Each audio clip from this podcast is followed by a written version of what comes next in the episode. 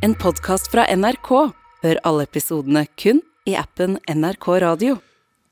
Eh, Jeg, bare lurer på eh, om, om noen av dere eh, Altså, det duolingo opplegget dere å lære seg språk på den måten.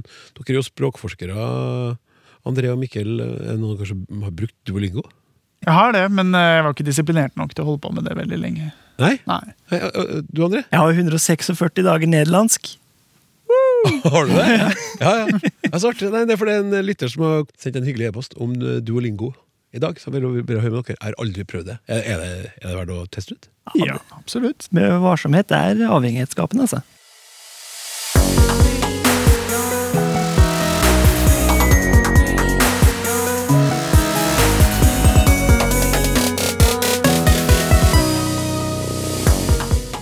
Når dukka Angen opp i interessant og observant? Bruker vi rett og slett uttrykket 'rett og slett for mye'? Hva er greia med å putte 'putt' inn i alle mulige slags setninger? Og kan alt sies å brenne både opp og ned?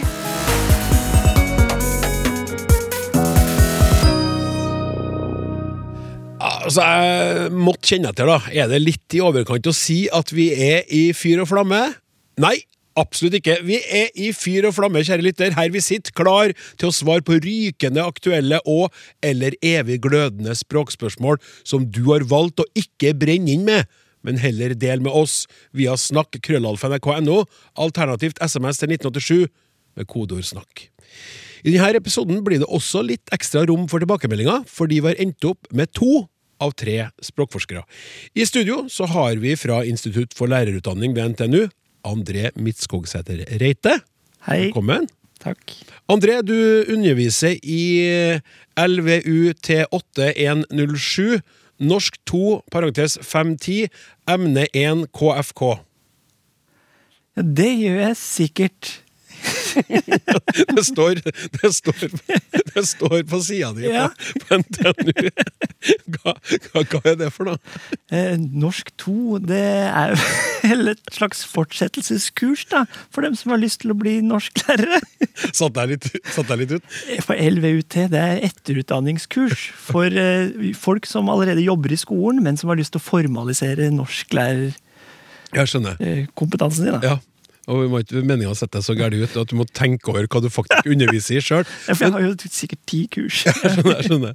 Vi, vi i Språksnakk får jo massevis av innspill og tilbakemeldinger fra lytterne. Er studentene dine flinke til å gi tilbakemeldinger, dem, eller? Nei, egentlig ikke.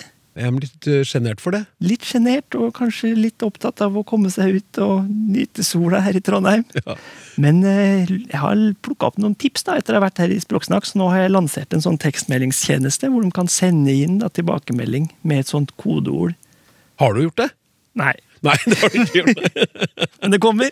Ja, det burde du gjort. Kodeord LVUT8107. Riktig. Og så har vi med oss fra Universitetet i Bergen, nærmere bestemt Institutt for lingvistiske, litterære og estetiske studier, Mikkel Ekeland Paulsen. Velkommen tilbake. Hallo, hallo. Takk. Uh, Mikkel, du var jo her eh, i forrige episode, og da nevnte du at du har vært med på revisjonen av bokmålsordboka og nynorskordboka. Ja. Ja, jeg lurer på, hvem reviderer dem som driver med revisjon? Altså, hvem gir deg tilbakemeldinger når du driver med det arbeidet? ja, altså dette har vi faktisk tenkt på. Det er tre ulike instanser som gjør det. Den første er kollegaer, som leser gjennom manus. Så er det Språkrådet. Vi har noen eh, veldig flinke korrekturlesere i Språkrådet som eh, gjør den siste sjekken. Og så den aller siste sjekken, det er jo befolkninga. Det er jo folket som ser at uh, her kommer det ut en uh, ordbokartikkel, ikke at det nødvendigvis sitter parat, men som gir oss beskjed når det står noe som er rivruskende gærent, eller uh, veldig rart, eller ja, lignende. Så de er jo alltid i bevegelse, disse ordbokartiklene, og det kan alltid legges inn en revisjon hvis det er noen i befolkningen som syns det trengs. En trippel sånn kvalitetssikring, da. Det er Ja, fint. det er ikke sant? Ja. Da er, da veit du at det er god kvalitet. Ja, og god kvalitet er det på mange av de tilbakemeldingene vi får også, enten det er korrigering eller innspill. Og jeg synes vi, vi kan unne oss å ta en til, tilbakemelding noe sånn med samme før vi setter i gang med spørsmålene som dere skal få bryne dere på i dag. Hei! Det var så artig å høre på dere da språkforskerne snakket om forskjellige måter å lese på. Fra nybegynneren som staver seg frem bokstav for bokstav, og plutselig begynner å kjenne igjen stavelser og ord, til den erfarne leseren som kjenner igjen ordene på et blunk. Jeg har fått kjenne på nybegynnerfølelsen igjen, i en alder av 52. For en måned siden fant jeg nemlig ut at tida var inne for å lære litt ukrainsk. Lastet ned appen Duolingo med frisk mot, og skjønte fort at her måtte jeg starte med alfabetet før jeg kunne begripe, grip- begripe noe som helst av ord og enkle setninger. For en merkelig opplevelse å lære et nytt alfabet. Én ting er de ca. 16 bokstavene jeg aldri hadde sett før, deriblant seks forskjellige slyder. Enda verre var det å få kontroll på bokstaver jeg kjenner fra før, men som står for en annen lyd enn vi er vant med i norsk. B blir V-lyd, H blir N-lyd, og P blir for sikkerhets skyld R-lyd. Avlæring av gamle vaner er jo bare fornavnet, og jeg bommer stadig vekk. Så sitter jeg der og staver høyt for meg selv i snegletempo. Ts, Nei, vent litt. N, før jeg plutselig skjønner Ah, det står sylinder! D, z, zi, syr, av Ja, sjiraff, selvfølgelig! Jeg er i ferd med å knekke lesekoden. Omtrent sånt må det, sånn må det kjennes for en ivrig fem-seksåring også, tror jeg. Rett og slett en åpenbaring som jeg unner alle språkglade mennesker å utsette seg for. Og for en hjernetrim det er! Etter et kvarter med staving er jeg helt kokt i toppen, og full av beundring for dem som kommer hit til landet med et morsmål hvor alfabetet overhodet ikke ligner det norske, og hvor ingenting heter verken sylinder eller sjiraff. Da er det imponerende å lære seg språket i voksen alder. Takk for programmet! Beste hilsen Ingunn i Blomsterdalen. Ja. Hæ? Fint. Det var flott. Det var fint, da! Skal ikke kimse av det å kunne lese og skrive et språk. At vi kan ett språk, det er jo ganske imponerende, bare det. Ja, det er sant, det. Virkelig. Så nå fikk jeg enda mer lyst til å laste ned den appen og prøve meg sjøl, til tross for din advarsel om vanedanning, eh, André. Ja, men det er et uh, ufarlig narkotikum.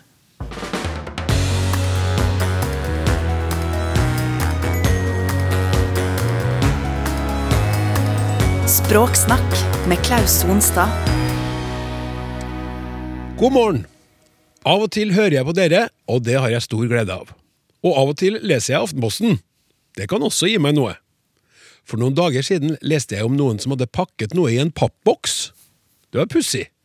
Det må ha vært en pappeske pappask. En pappboks tror jeg må være en grov bjelke av pappmasjé. En boks i tre er en firkantbjelke. Vi har en ask, pastillask, eske og kasse, og vi har skrin, og vi har blikkboks og dunk og kiste, og selvfølgelig har vi trusk, ja, sikkert flere varianter. I noen andre land kan du legge hva som helst i boks. Hilsen Åsmund Huser. André, kan jeg bare spørre med en gang, altså, har, var du kjent med det med grov bjelke av pappmasjé? Har du, har, hadde du hørt det før? Nei! Nei. Det For det satte meg jo helt ut da jeg leste spørsmålet. Jeg er så spent på hva du skal si om det her. Vær så god. Hør nå. Det er eh, jo karnevalstid nå i februar. Eh, og mye kan sies om det, også språklig, men jeg syns også å huske, blant mye annet som blir rørt i hop i den boksen, eller eska eller dunken eller kista, som er karnevalstradisjon og historie, at det også i hvert fall i middelalderen eh, var sånn at ting blei snudd på huet under karneval. At karnevalet lot folk flest få være noe, og presteskap og konge den ble latterliggjort. Og her så har det snudd seg litt for meg, uten at jeg er noe prest for all del. Men dette her er, eh, som du er inne på, ikke noe spørsmål som jeg kan gi noe gløgt svar på. For tvert imot så var dette her ganske lærerikt og opplysende eh, for meg. For jeg var heller ikke i stand til å skjønne hvorfor pappboks skulle være så pussig. Altså, For meg så har boks og ask og kasse vært så å si kliss eh, synonyme. Så nå har jeg lært at boks, ifølge norsk ordbok, ordbok over det norske folkemålet og det nynorske skriftmålet, opprinnelig betydde en ask ta metall, som for eksempel jernblikk. Så hermetiske fiskeboller, de var på boks. Og denne boksen, den er da et låneord fra engelsk. Altså B-O-X. Men så er det et annet boksord til her, da. Denne her tre-firkantbjelken. Eh, eller firskårig tømmer av medels storleik, som ordboka definerer det som. Eh, det er også en boks. Og det er også et låneord fra engelsk, men ikke eh, BOX denne gangen. For en sånn boks, det kommer fra engelsk balks. Altså B-A-L-K-S. L. Å, bolks. Altså bjelker. Så vi har boks og boks. Metall og tre. Eh, I utgangspunktet. Og så skjer det som ofte skjer med språk. Greier. og her så kan det da tyder på at boks, fra det blei lånt inn fra engelsk som et ord som betydde metallask, har fått ei eh, semantisk utviding. Altså at hva det betyr, eller hva slags kopling det har til verden som vi erfarer rundt oss, den har blitt utvida, den har blitt større.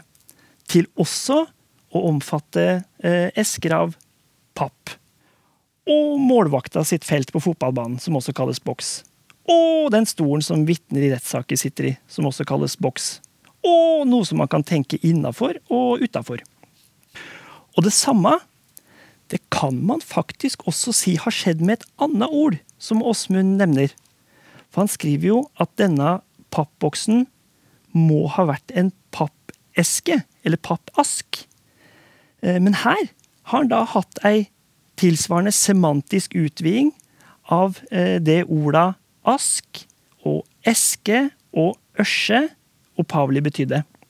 For disse har sitt opphav i det gammelnorske eller norrøne asker, og det har betydd et kjerral eller et kar eller en beholder som var laga av ask.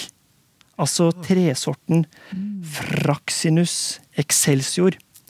Så en kan jo se for seg at en innsender til Språksnakk for 100 år sia eller så kunne ha skrevet Jeg leste om noen som hadde pakka pastiller i en pappask. Det var pussig. En pappask må jo være en modell av Fraxinus excelsior laga av kartong, eller noe sånt. Men, men sånn er det jo. Skrin, for eksempel, også. Kommer fra norrønt skrin, men før det fra latin skrinium. Og da betydde det eh, rund beholder. Men i dag så vil jeg påstå at et skrin også kan være firkanta, eksempel. Ja, absolutt. Men før eh, dette svaret er ferdig og i boks, og for å vende litt tilbake til karneval, tror du det er den Åsmund Huser som har sendt inn? Smitt og smule Bjarne For jeg blei litt starstruck. Men Bjarne betjent Åsmund Huser. Er, er det sant? Jeg veit ikke. Nei. Nei, jeg vet ikke. Tusen hjertelig takk.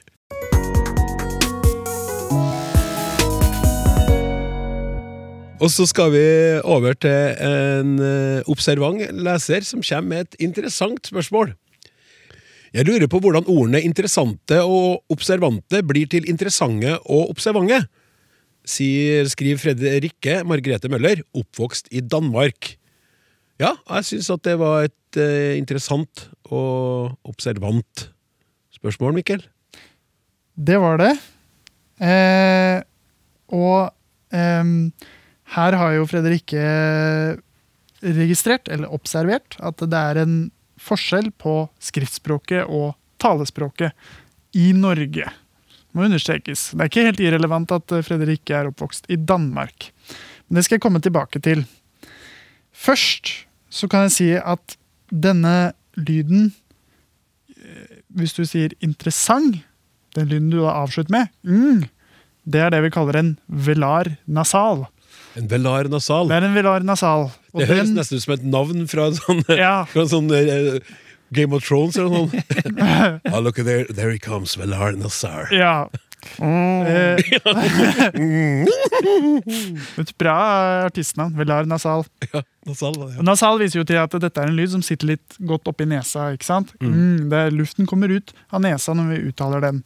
Eh, Og velar sikter til at dette uttales ved innsnevring ved velum, men det, trenger vi ikke, det er ikke så nøye nå.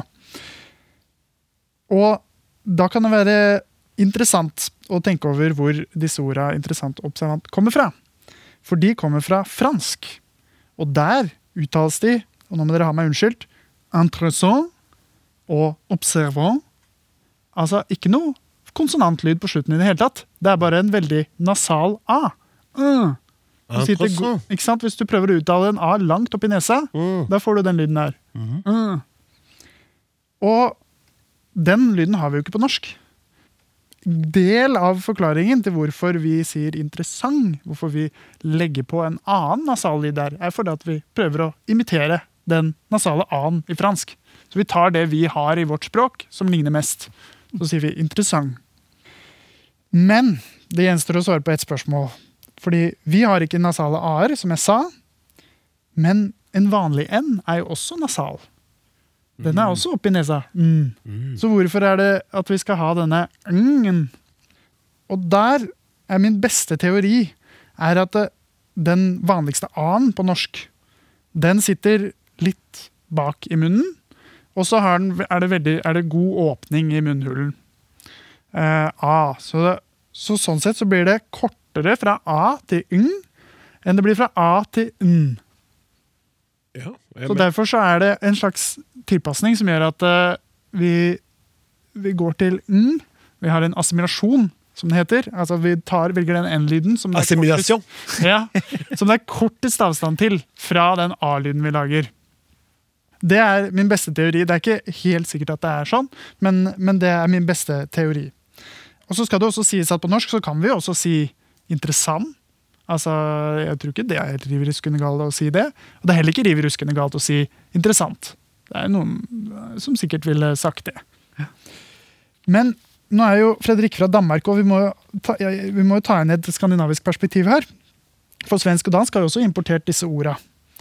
Og på svensk så ser vi at det er vesentlig vanligere å uttale t-en enn på norsk. Interessant. Interessant. I svensk ordbok så har de begge de uttalene med. Så de, om de har med g-en, det er valgfritt, men t-en er med uansett. Mhm. Og så på dansk interessant. Interessant. Interessant. Yeah. Yeah. Der må du ha med t-en. Så Fredrikke har nok vokst opp med å uttale dette med t. Og så kommer hun til Norge, og så hører hun ikke t-lyd i det hele tatt. Hva har gått galt? Eh, men her er det altså at eh, svensk og dansk er nok antagelig påvirket av skriftspråket. Mens vi nordmenn vi prøver å etterligne franskmennene. Yes. Men så er det et, et siste poeng som jeg vil ta med, og det er at det, det finnes også en gruppe andre ord eh, som har samme uttale på fransk. De som slutter på ment. Altså abonnement og kompliment.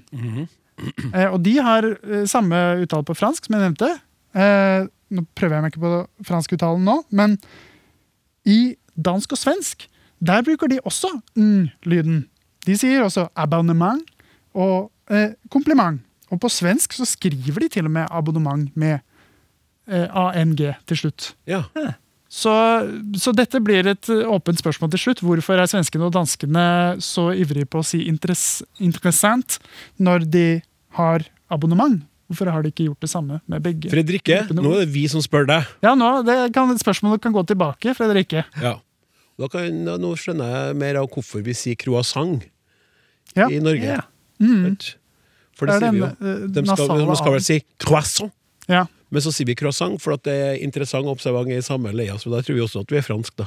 Ikke sant? Eller Så kommer vi til? Frankrike og så Bonjour! Je m'appelle eh, croissant. og da rakner alt for eh, han bak, eller hun bak disken. Ja. For de nekter oss nok engelsk, så der står vi fast. da Nei, men jeg syns det var Mikkel, jeg syns det var interessant. Takk Ja. skal du ha. Hei, jeg heter Kristin, og jeg har et ord som jeg bruker ofte i forhold til når uh, ting kan være spennende eller uh, noe interessant, og da sier jeg ofte ordet artig isteden. Språksnakk. Du hører på Språksnakk, programmet der du spør og ekspertene svarer. Eller programmet der du spør, men også kommer med tilbakemeldinger. Eh, vi har snakka om eh, problemer versus utfordring, ikke sant? Det at man skal Vi skal ikke kalle det det heter ikke problemer, det heter utfordringer. Og Vi diskuterte det her, og en del lyttere eh, syns det var interessant og har meldt tilbake. og Nå skal vi høre litt fra dem. Hei! Jeg arbeider med filosofiske og matematiske problemer. Det kan være en utfordring. Et problem er noe mer objektivt, mens utfordringen befinner seg inni meg. I mellommenneskelige relasjoner bruker vi ofte utfordringer om det som det er en viss mulighet til å løse, men folk som har store problemer med helse, økonomi eller samliv, kan lett føle seg lite forstått hvis vi sier at de har utfordringer. Det kan være en utfordring å velge riktig ord, skriver Arne Øgård. og Dette er henta fra et litt lengre brev med flere innspill som vi kan komme tilbake til. I Språksnakk den 5. februar drøftet dere betydningen av ordene problem og utfordring. Jeg fikk inntrykk av at ordene kunne brukes om hverandre, men at problem ble oppfattet som sterkere, nærmest sjokkerende for noen. Da jeg første gang la merke til en politiker bruke ordet utfordring, der jeg selv ville ha brukt problem, tenkte jeg dette har han av bekvemmelighetshensyn lært på kurs fordi et problem krever en løsning, og ofte er det lett for potensielle velgere å se om problemet er løst eller ikke. En utfordring er noe man tar, og det er ikke alltid så lett å se om det er gjort. Aftenpostens Per Egil Hegge hevdet i sin språkspalte omtrent samme syn, med vennlig hilsen Ulf Nestvold. PS. Jeg vil helst ikke ha for mange problemer, men uten utfordringer blir livet kjedelig. Og så til slutt her, da, fra Jannicke. Hei! I dag tok dere opp moteordet utfordring, som liksom skal gjøre det lettere for oss å håndtere problemene våre. Det er to problemer med dette.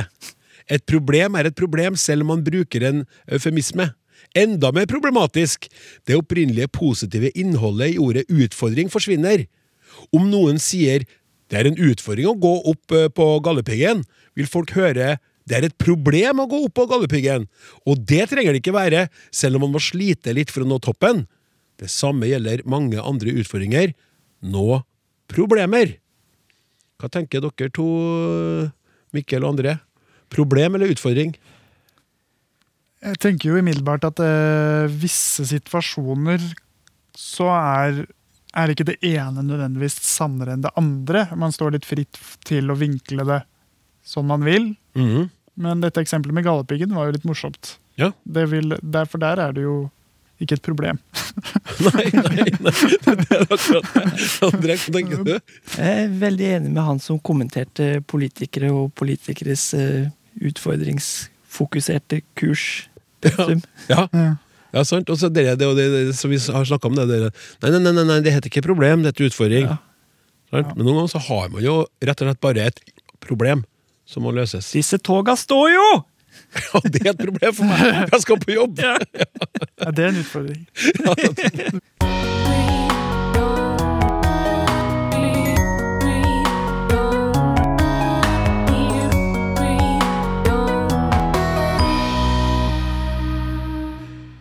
Vi fortsetter med et nytt spørsmål sendt inn til snakk eh, Du kan også sende en SMS til 1987 med kodeord 'snakk' hvis du foretrekker det.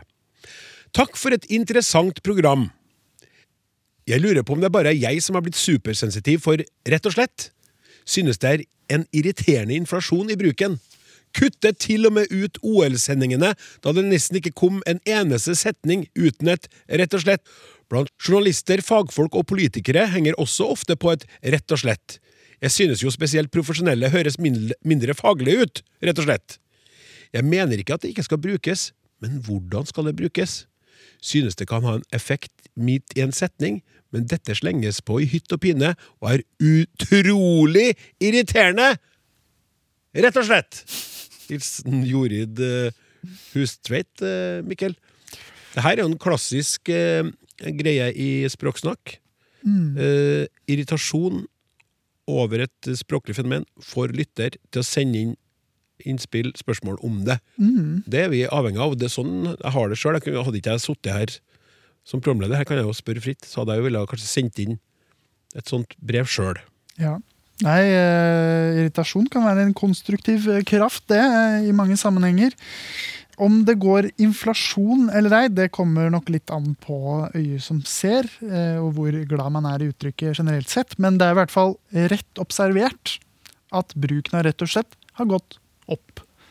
Eh, faktisk, ja. Når man ser eh, i Søker på Nasjonalbiblioteket og ser eh, den relative frekvensen, som vi sier, altså hvor ofte det forekommer, avhengig av hvor mange tekster man ser på. Og så ser man eh, gjennom 1900-tallet og fram til i dag, så ser man en, en ganske jevn økning hele veien. Så rett og slett eh, går i taket, rett og slett. Så kan vi jo bare nevne litt om hvor det kommer fra først. Det kommer jo da av tysk, tysk 'schlecht und recht', og ble faktisk tidligere brukt i motsatt rekkefølge i norsk. At vi sa slett og rett, og ikke rett og slett. På Ibsens tid så finner du f.eks. bruk av slett og rett. Men det høres jo helt feil ut, Mikkel. Ja, men eh, da har vi rett og slett snudd den rekkefølgen, da. Eh, Kanskje det var rett og slett, rett og slett at vi syns det hørtes bedre ut. Og så er det dette med betydningen, da. Originalt så er nok eh, rett og slett og slett og rett brukt for å legge et visst trykk. At det skal være en viss Altså at det skal være en emfatisk bruk, som vi kan si, da, sånn retorisk sett. Så maten var god versus maten var rett og slett god. Så det siste skal, der skal det være ekstra trykk på at maten var god. Men hvis man bruker rett og slett for mye, så kan det hende at denne effekten forsvinner. Mm. Det er som at hvis du sier at uh, en brødskive med leverpostei smakte helt fantastisk, så kan det være vanskelig å ta deg seriøst. Fordi at uh, ja, enten så bruker du fantastisk om alt, eller så har du en veldig uforholdsmessig eh, glede av denne leverposteiskiva. eh, men det at bruken går såpass opp, det kan jo tyde på at betydningen utvider seg. At, bruken, at vi bruker det i flere sammenhenger. Mm. Og der tror jeg, når, når hun nevner dette med OL-sendingene For jeg mener også at jeg har hørt det ganske mye at kommentatorer sier det. Og de sier f.eks.: eh, Johannes Tingnes Bø er rett og slett verdens beste skiløper. Og der er det Ja, det kan brukes for å liksom eh, legge trykk. Ja, det, her er ikke, det er ikke noen tvil om at han er verdens beste skiløper. Men jeg mener at det også kan brukes i motsatt betydning. At det, ja, nå sier jeg det. Det er en litt vågal påstand. Jeg markerer det ved å bruke rett og slett. Det Ja. syns jeg rett og slett. Ja. Eh, At det egentlig brukes også litt for å uttrykke forbehold om det man sier, da. Så det her, er- det her er altså, Hvis jeg hadde sagt det da, og vært sportskommentator, det hadde vært mitt syn, men gjennom å slenge ut den rett og sletten, så, så markerer jeg at det er jeg som sier det, men jeg er ikke helt sikker på om Ja, Eller? jeg vil ikke bli satt, stilt til ansvar for at denne, dette utsagnet nødvendigvis er helt sant. Nei. kanskje. At Ja. i, i kampens hete, når eh, Johannes Tingesbø krysser mållinja et minutt foran konkurrentene, Mhm. så virker det riktig å si det. Ja. Eh, men det er ikke tenkt som et allmenngyldig utsagn som skal gjelde i alle tilfeller. Fordi da plutselig ble det veldig annerledes hvis eh, reporteren, kommentatoren, har sagt Johannes Signes Bø er verdens beste! Mm. Da blir det plutselig mer bastant enn er rett og slett verdens beste. Ja. Ja. Det har ikke jeg tenkt på før nå. Det høres plutselig ut som en plausibel Mm. forklaring. Mm. Hva tenker du om det, André? Nei, jeg syns det rimer godt, jeg. Ja. Og det ligger jo til en kommentator å prøve å gjøre det litt ekstra spennende, og derfor være litt mer bombastisk og sette ting litt på spissen eh, med det man sier. Sånn at det skal bli mer engasjerende å se på. Så det er nok et, et ærlig forsøk på det fra kommen- kommentatorenes side, da. Men dere som eh, overvåker språket på Eller overvåker språket, som jobber med språk, mente jeg å si. Ofte så når, når lytterne begynner å sende inn spørsmål om et fenomen, så har det jo pågått lenge, og, og som du ser, det er en stigende kurve. Og så går det kanskje da opp mot et sånt punkt der det imploderer, da, at det blir, det blir overforbrukt, og så, og så dabber det av igjen. Er det ofte sånn, eller? Hvis det har klang av å være et motefenomen, eller at det er en trend, så tror jeg at du vil se den effekten. Mm. Eh, Men hvis det er at et ord rett og slett får flere bruksområder, så er det ikke sikkert at det vil eh, skje. Noen ganger så får du jo feste, sånn som Mm. i forhold til, for eksempel. Det dukka jo opp, og så ble det kritisert av mange, og så var det, liksom, det var ubehagelig å bruke det. Men nå etter hvert så har liksom betydninga i forhold til den har jo endra seg. Ja, det har, Vi hadde jo en spesial i Ja. Språksnakk om det. Og etterpå så har jeg jo lagt merke til at eh, de aller fleste rundt meg Nå skal ikke jeg nevne navn, for at det ville jo være eh, unødvendig også å begynne å nevne peke på egen familie. Bruker jo det stort sett i den nye betydninga. Ja. Så da, er sånn som du sier noe med rett og slett, at det, at det driver endrer litt valør, da. Ja, Sant? det kan nok hende. Ja. Mm. Det kan rett og slett være mulighet, det. Det kan rett og slett være mulighet. Ja. Rett og slett. Takk eh, skal du ha, Mikkel.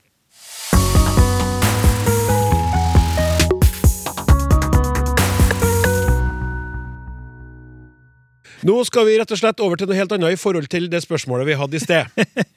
Hei sann, sveisann! For noen programmer siden snakka dere om manglende inversjon i spørresetninger i norsk. For eksempel 'hvordan det går', i stedet for eh, 'hvordan går det'? Jeg innbiller meg å ha lest at dette kan være et grammatisk trekk innlånt fra samisk. Spørsmål på nordsamisk dannes typisk ved å sette subjektet, for, subjektet foran verbet. Kidonlet. Bokstavelig talt hvem du er. Rett på. Det er lett å få inntrykk av at samisk bare har lånt og lånt inn ordtilfang fra germanske språk, mens norsk er helt upåvirka av samisk. Dette bildet kan dere godt være med på å nyansere. Kanskje har ikke norsken lånt inn så mange samiske ord, men i stedet elementer fra samisk grammatikk. Hilsen Nilsen! Det var fin. Kidanett skulle være altså som sagt. Hvem du er? Hvem du er? Jo, du er André, Ja. og du skal svare på det. Ja, og jeg syns vi absolutt kan være med på å prøve å nyansere, som eh, Nilsen ber om. Eh, men ser jeg ikke er en superekspert på samisk eller samisk grammatikk, jeg heller, så må jeg lene meg litt på professor emerita Tove Bull, språkforsker og også tidligere rektor ved Universitetet i Tromsø, som er ei som har skrevet og formidla en del om dette. Og et viktig poeng hos både Bull og innsender Nilsen er jo det at vi nok kan ha hatt et litt ukritisk syn på eh, hvilken vei språklige lån har gått mellom norsk eller nordgermansk, som norsk sorterer under, og samisk eller finsk-ugrisk, som samisk eh, sorterer under.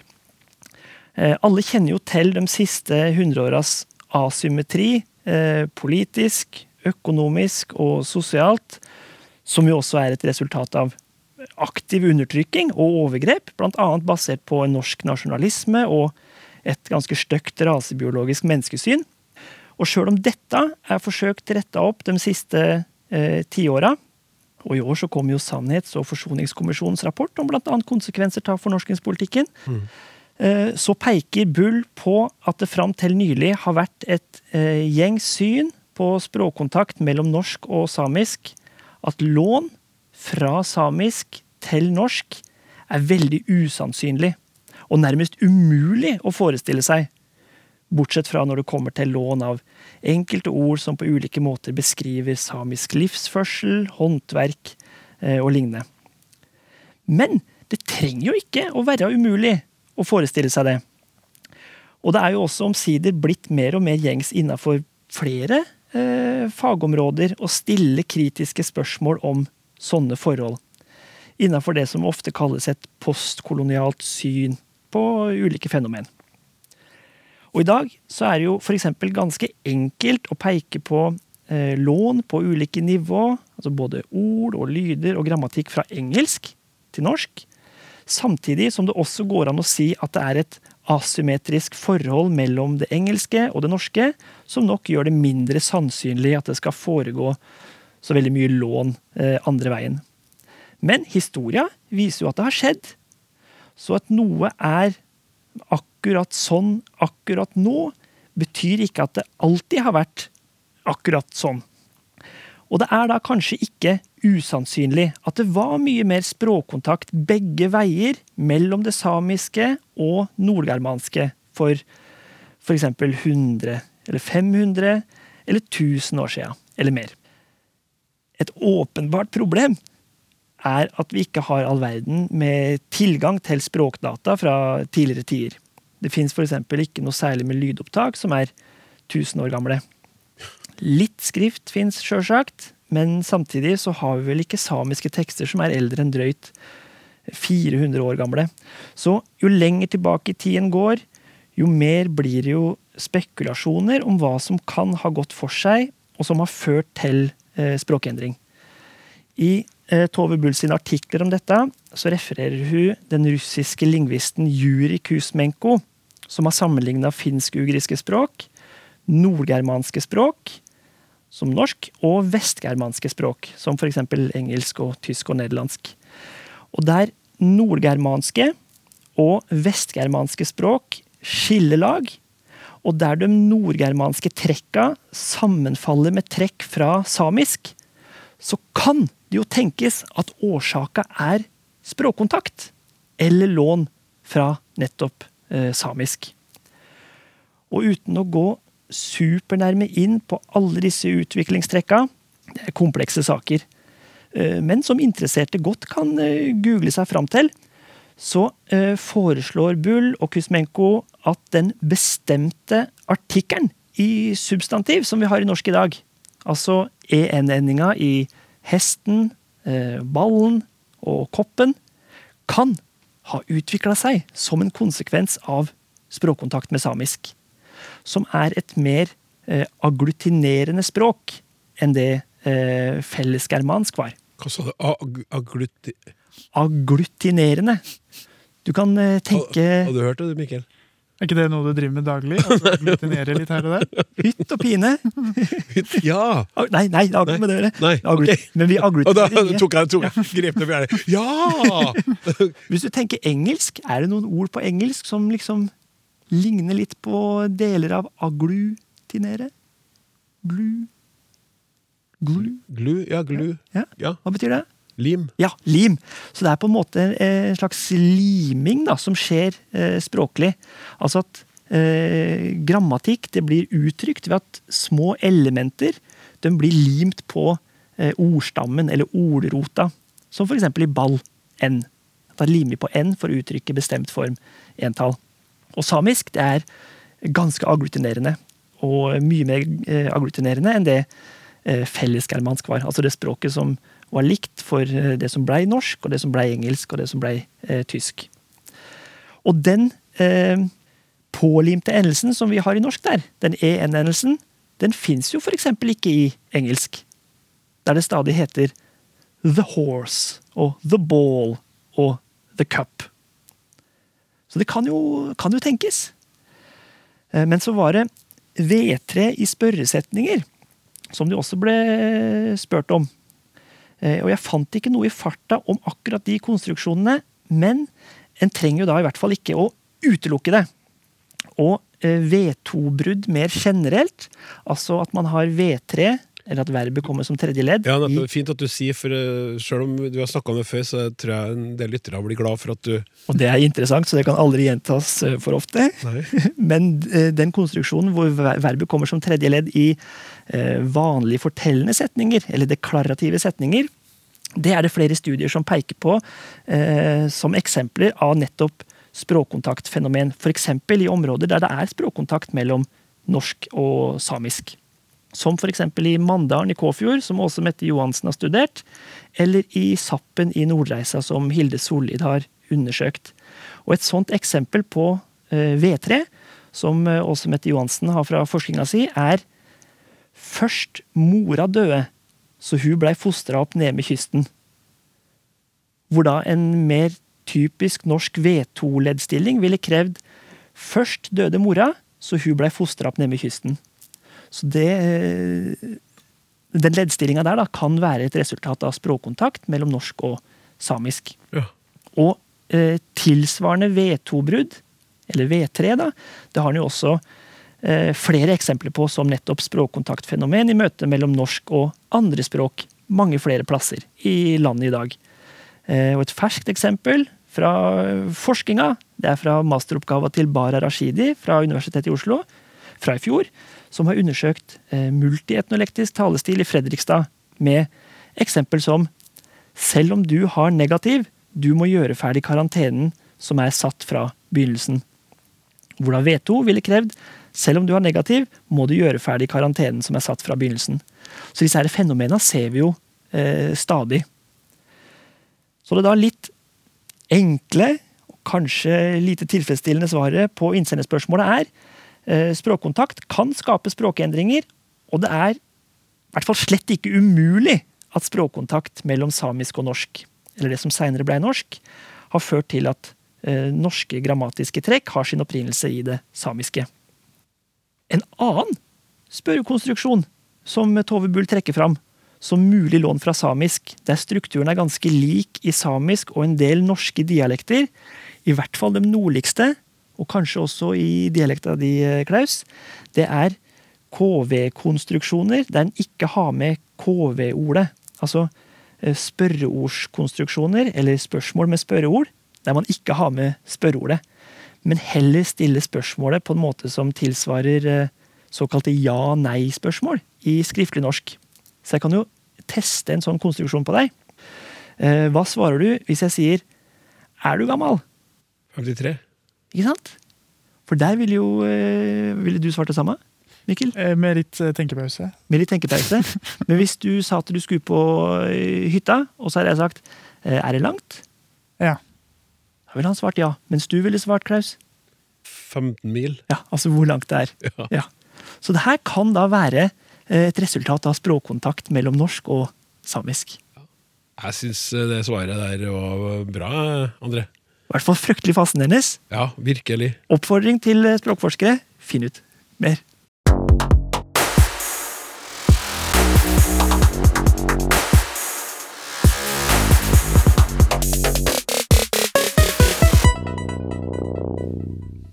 Språksnakk, ja. Det heter programmet du hører på nå. Snart skal vi se nærmere på ordet putte, som en lytter mener puttes inn på de merkeligste steder. Og vi skal snakke om brann, men først eh, noen flere tilbakemeldinger. Og nå skal det handle om musefletta gutta! Eh, det, kan, det kan man jo ha, uansett eh, han, hen eller hun.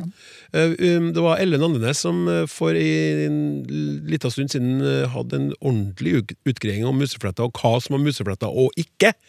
Og det skapte engasjement hos lytterne. Hørte akkurat episoden hvor dere snakket om musefletter, og kjente at her mener jeg uforholdsmessig sterkt at musefletter må være åpne, nettopp for å skille dem fra flettede fletter. Ellers kunne man jo bare sagt 'møte opp med to fletter'. Men jeg skjønner at statistikken bare gir meg halvt rett. Hilsen meg.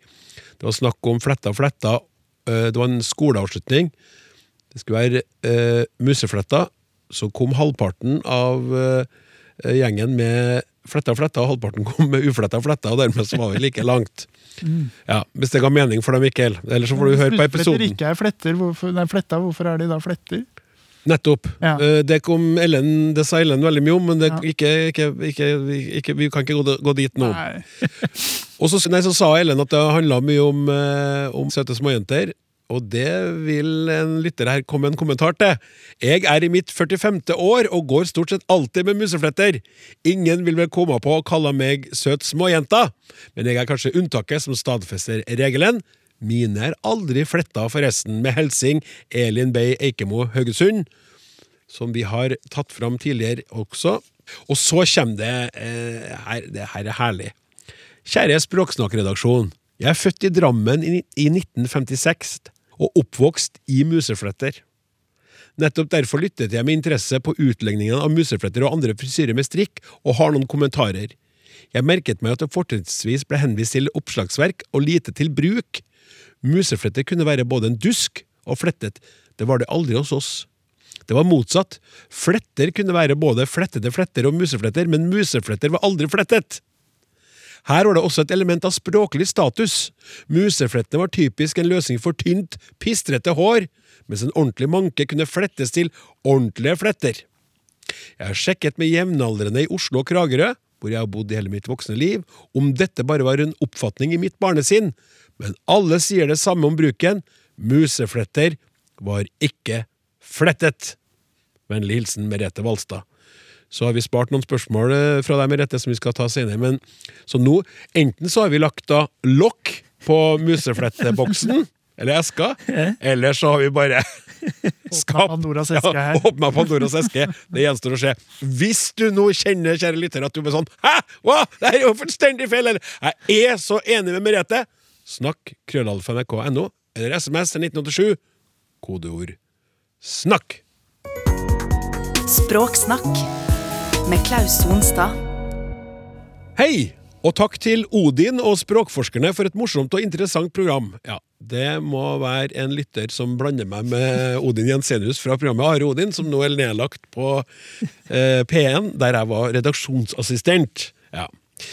Nå vil jeg be dere putte oppmerksomheten mot en omseggripende og stadig rarere bruk av verbet å putte i norsk dagligspråk. Her er noen eksempler fra min radiolytting i senere år. Det aller meste er hørt på NRK P2, ikke bare fra intervjuobjekter, det kan like gjerne være programlederen som putter i vei. Å putte bilder på veggen, å putte på seg et skjørt, å putte det på andre knagger, å putte energien ut på nettet, å putte ansvaret over på andre, å putte fokus på, å putte ideene i debatt, å putte det inn i et perspektiv, og putte lokk, lokk på, debatten. Hvor ble det av alle de andre anvendelige verbene henge, sette, legge, sende og flere? Språkforskerne må nok først uh, si at språket er i stadig forandring. Greit nok, nå har de begynt å lære litt, virkelig. Så vil de sannsynligvis si at det kommer fra engelsk. Men tør de også si noe om dårlige, skråstrek unødvendige forandringer, om utarming og forflatning av språket? Nå er jeg spent på om jeg får svar. Jeg kommer uansett til å putte på radioen når språksnakk puttes på lufta. Hilsen Putte i blåbærskogen. Ja, vær så god, Ja, eh, språket er i stadig forandring. Og det er vel i grunnen mitt endelige svar. Ja, takk skal du ha. Da går vi videre. Nei da. Eh, Jeg kjenner meg, eh, kjenner meg igjen i sukket til eh, putte. Eller sukket som jeg tolker det som. Det er Kanskje en irritasjon òg. Over at det kan være mye putte. For noen ord kan jo være litt som sånne kelervaser, sant? Når du først har lagt merke til én, så er den plutselig overalt! I alle hjem du er i, og i alle bilder av alle andre hjem du ser, i boligannonser og dagsrevyreportasjer, og nedover hele Facebook-veggen ryr det inn kelervase på kelervase, og til slutt så ser man nesten ikke annet, og man har det sjæl. Så du kunne jo kanskje eh, ha noe med åssen en skrur til oppmerksomheta si. Altså at Når man først har lagt merke til noe, så har man en tendens til å legge merke til det overalt. Så blir man irritert. En slags frekvensillusjon. Men jeg tror samtidig eh, at Putte i Blåbærskogen har rett i at dette ikke bare er en illusjon, altså, men at verbet putte brukes med nye eller flere betydninger enn før. Kanskje litt som rett og slett. Eh, Men tør jeg si at dette her er en dårlig eller unødvendig forandring, eller ei utarming eller forflating av språket? Heng med! Eh, Vi får starte med putte. Putte i seg sjøl er jo ikke et nytt ord i norsk. Hvor det kommer fra, det er ikke helt eh, klart for meg eller ordbøker jeg har kikka i, men det fins i hvert fall også både i dansk og svensk og engelsk. Og om en søker i avisarkiver, f.eks. på Nasjonalbiblioteket, så får man opp eh, mange treff, og helt tilbake til midt på 1700-tallet. Oh, ja. Da de starta med arkivet, eller det er så Ja, tilbake ja. du får det. Så helt fra børjan, Putte har alltid vært der. Eh, mange av de treffene han får, de viser til en tegneserie som heter Putte. Putte Panda. Vet ikke om noen av dere kjenner til han? Jeg Har lest fryktelig mye Putte Panda i det siste, for å si det sånn. Eh, Men mange viser da også til bruken av verbet putte. Og da er betydninga stort sett noe som handler om eh, plassering. Altså at noe blir putta et sted, og kanskje helst at noe blir putta i noe. I en boks eller i ei lomme. Jeg gjorde det for kun én gang i nogle øyeblikket at putte den skjønneste kvinne som jeg tilbeder i mine arme, sto det for eksempel i Morgenbladet 29. mai 1822. Og de eksemplene som innsenderen viser til, de handler jo også i og for seg om plassering, så det er jo iallfall ikke totalt uforståelig hva som menes. Men, og det er jeg for så vidt enig i, så fins det jo andre verb som uttrykker ulike former for plassering. Kanskje også mer nøyaktig, som jeg sjøl også ville foretrekt foran putte.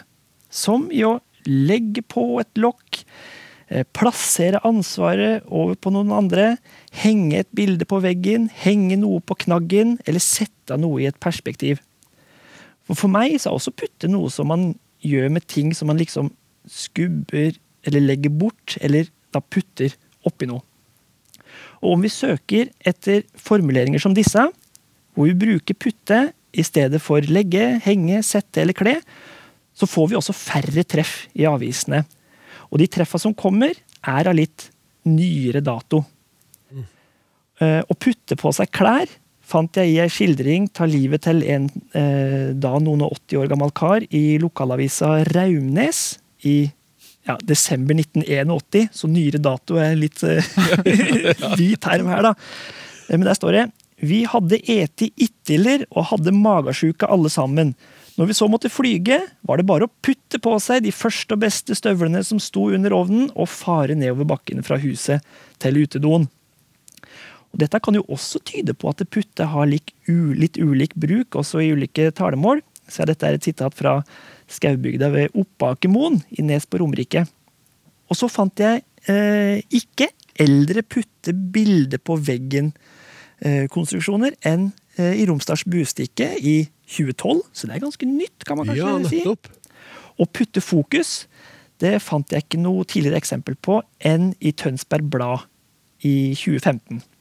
Men jeg tenker bare, André, til det der med putt på seg støvlene, for der har du jo føttene som puttes oppi noe. Ja, Så det er litt nærmere den opprinnelige betydninga, opplever jeg. ja enn å putte kan- et bilde på veggen. Enn å putte et bilde på veggen, eller å putte en mening på noen andre, eller eh, et eller annet. Ja, der er jeg enig. Og der ville jeg kanskje sagt også sette på seg støvla. Sette på seg klærne. Men jeg kunne ikke sette et bilde på veggen. Nei. Så det er kanskje noe Men du sier sette på seg, kan man gjøre det? Det har jeg aldri ta, ta på seg, sier jeg da. Åssen er det på Hamar?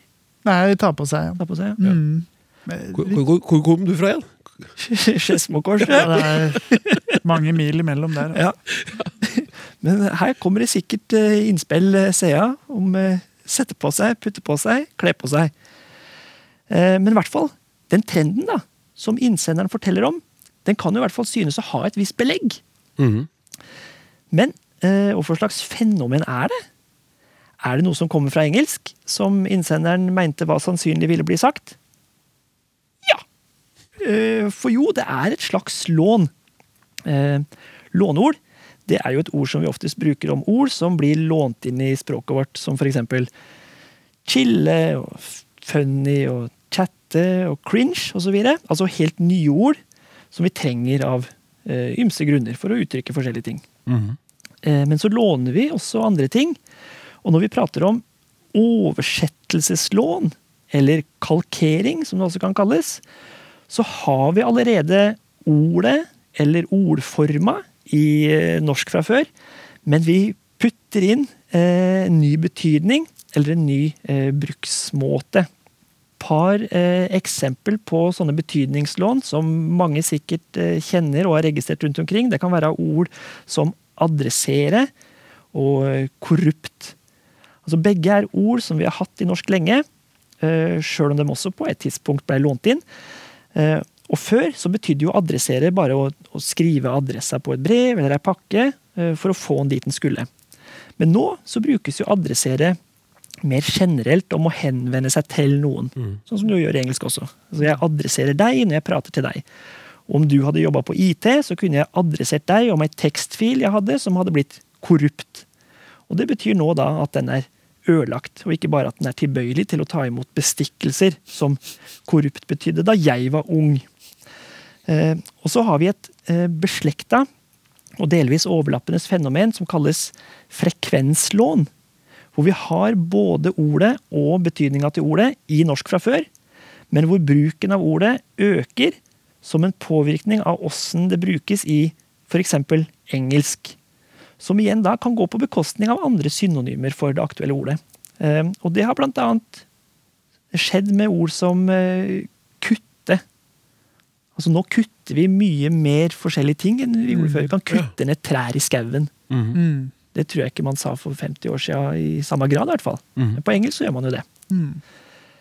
Så vi kan da si at vi har lånt inn en litt større eller breiere betydning fra engelske to put, og hvor den eksisterende norske og den nye lånte betydninga på en måte breier seg utover, og bruken av putte øker i frekvens, som igjen da eh, kan skvise bort synonymer vi har fra før, som henge og legge og sette osv. Så, så gjenstår det å se hvor langt det går, da. Eh, Jeg vil jo tro at henge, legge og sette nok fortsatt er livskraftige nok verb til å stå imot ei stund til.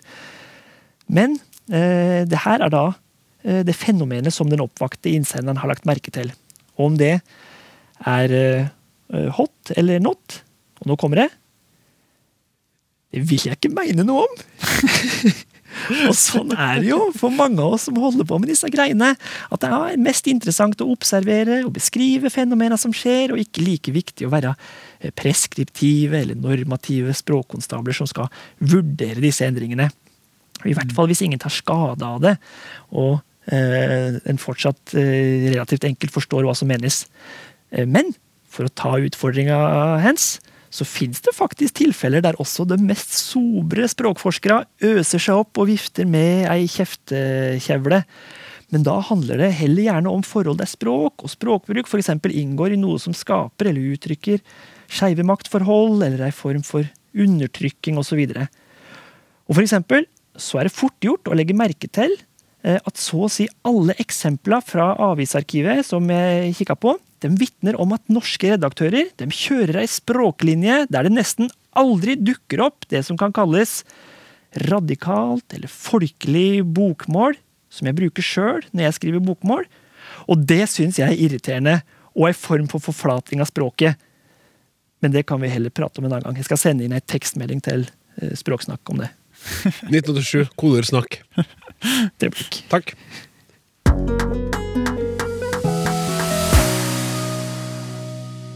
Hjelp! Det brenner i alle retninger. Når et hus brenner ned, da brenner det opp. Og er man uheldig, blir branntomten utbrent. Hva styrer disse retningene? Kan alt sies å brenne både opp og ned? Fint om panelet utreder. Ikke brenn inne med teorier, da. Vennlig hilsen Lars Jensen. Ja, ser du sitter noe i, som jeg sa i starten av sendinga, Mikkel, fyr og flamme. Vær så god. Ja, eh, her brenner du på dass, så da får jeg forsøke å komme med noen teorier, og det litt brennkvikt. Det som er rart, eller uvanlig her, det er jo uttrykket 'brenne opp'. Eh, For brenne ned, det er jo greit. Huset har jo en oppreist stilling, og så brenner det ned. Og da er det jo noe som beveger seg, om enn litt møysommelig, i vertikal retning nedover. For selv om flammene gjerne beveger seg oppover, så er jo brenne opp i realiteten at noe brenner til det ikke er noe igjen av det. Det brenner altså bort. Og hvorfor kan vi si brenne opp? Nei, altså opp har jo da altså dusinvis med ulike betydninger. Men denne betydninga som er aktiv i brenne opp, det er at eh, opp markerer på et eller annet vis at eh, det ikke blir noe igjen. Det er ikke noe til overs. På samme måte som å bruke opp. Når du bruker opp pengene dine, så er pengene borte. Eller Drikke opp. drikker opp. Eller når du spiser opp maten. Da er maten borte etterpå. Eh, Eller i hvert fall, den er usynlig, den er inni kroppen din. Ut har også en lignende bruk. Eh, Når vi sier ånde ut eller dø ut, så er jo også konsekvensen at noe forsvinner. Men med ut så er det kanskje en følelse av at den forandringen skjer litt mer møysommelig enn eh, når vi bruker opp. Å spise opp noe tar ikke nødvendigvis så veldig lang tid. Kan jo si både drikke opp og drikke ut. Mens drikke ut det, det tar kanskje litt lengre tid, eller det handler om å bli liksom helt ferdig, ikke nødvendigvis bare å, å, å tømme det glasset du har foran deg. Pluss at du, du må planlegge det mye mer. Jeg tenker på Ja, da er, Da skal det ikke sant, liksom det lages et en ordentlig opplegg, og med masse prosess, folk, og gjerne en- ja, ja, Reise en plass, og så må det være paintball, og så ja. og så finne en Oppdrikkingslag, som passer fra Hva sa du? Oppdrikkingslag, det er jo slantene etter utdrikningslaget som blir drukket opp helga etter. Det vi har å gjøre med her, det er noe vi kaller semantisk bleiking. Altså Selv om vi har en klar formening om hva opp og ut betyr, eh, altså hva standardbetydninga er Opp det er jo retning eh, fra gulvet mot taket, eh, og ut det er retning fra rommet til ute på gata, så ha- betyr de såpass lite. Eh, altså Betydningen deres er bleiket, sånn at vi kan sette de sammen med ulike verb og få helt nye betydninger som da blir konvensjonalisert. Og det er også en del verb som er altså, semantisk bleika. Eksempel ta. Vi har en formening om hva ta betyr, eh, men det brukes også til veldig mye forskjellig. Eh, Tenk bare på ta av, ta på, ta til, ta ut, ta opp, ta med, ta inn, eh, ta ned, ta bort, ta i, ta imot.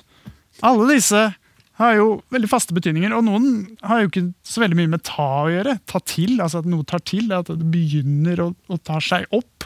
Her kommer det enda flere. Så her har vi bare konvensjonalisert nye betydninger, og vi har brukt elementer som, som ja, har en annen betydning, men vi bruker de på nye måter. da. Eh, tilsvarende er også med legge på, legge opp, legge ned, legge inn, legge ut, legge til, legge om. En idrettsutøver legger opp, mens en bedrift legger ned. Og hvis det er årer, så legger vi de inn. Og alle de betyr jo mer eller mindre det samme, altså avslutte en aktivitet.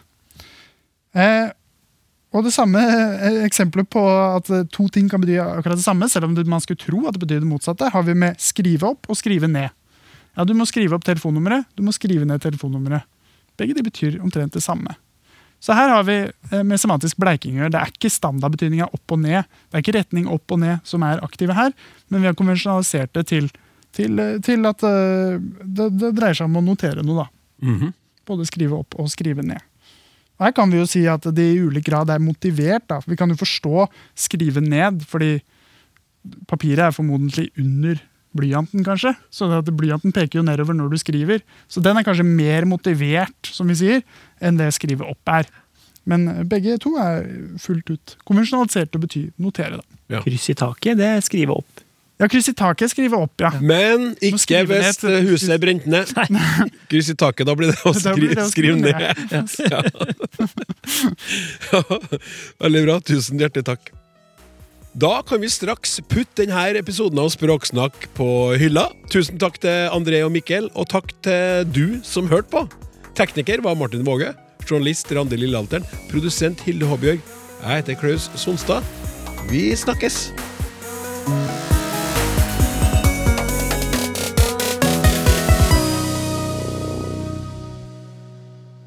Du har hørt en podkast fra NRK.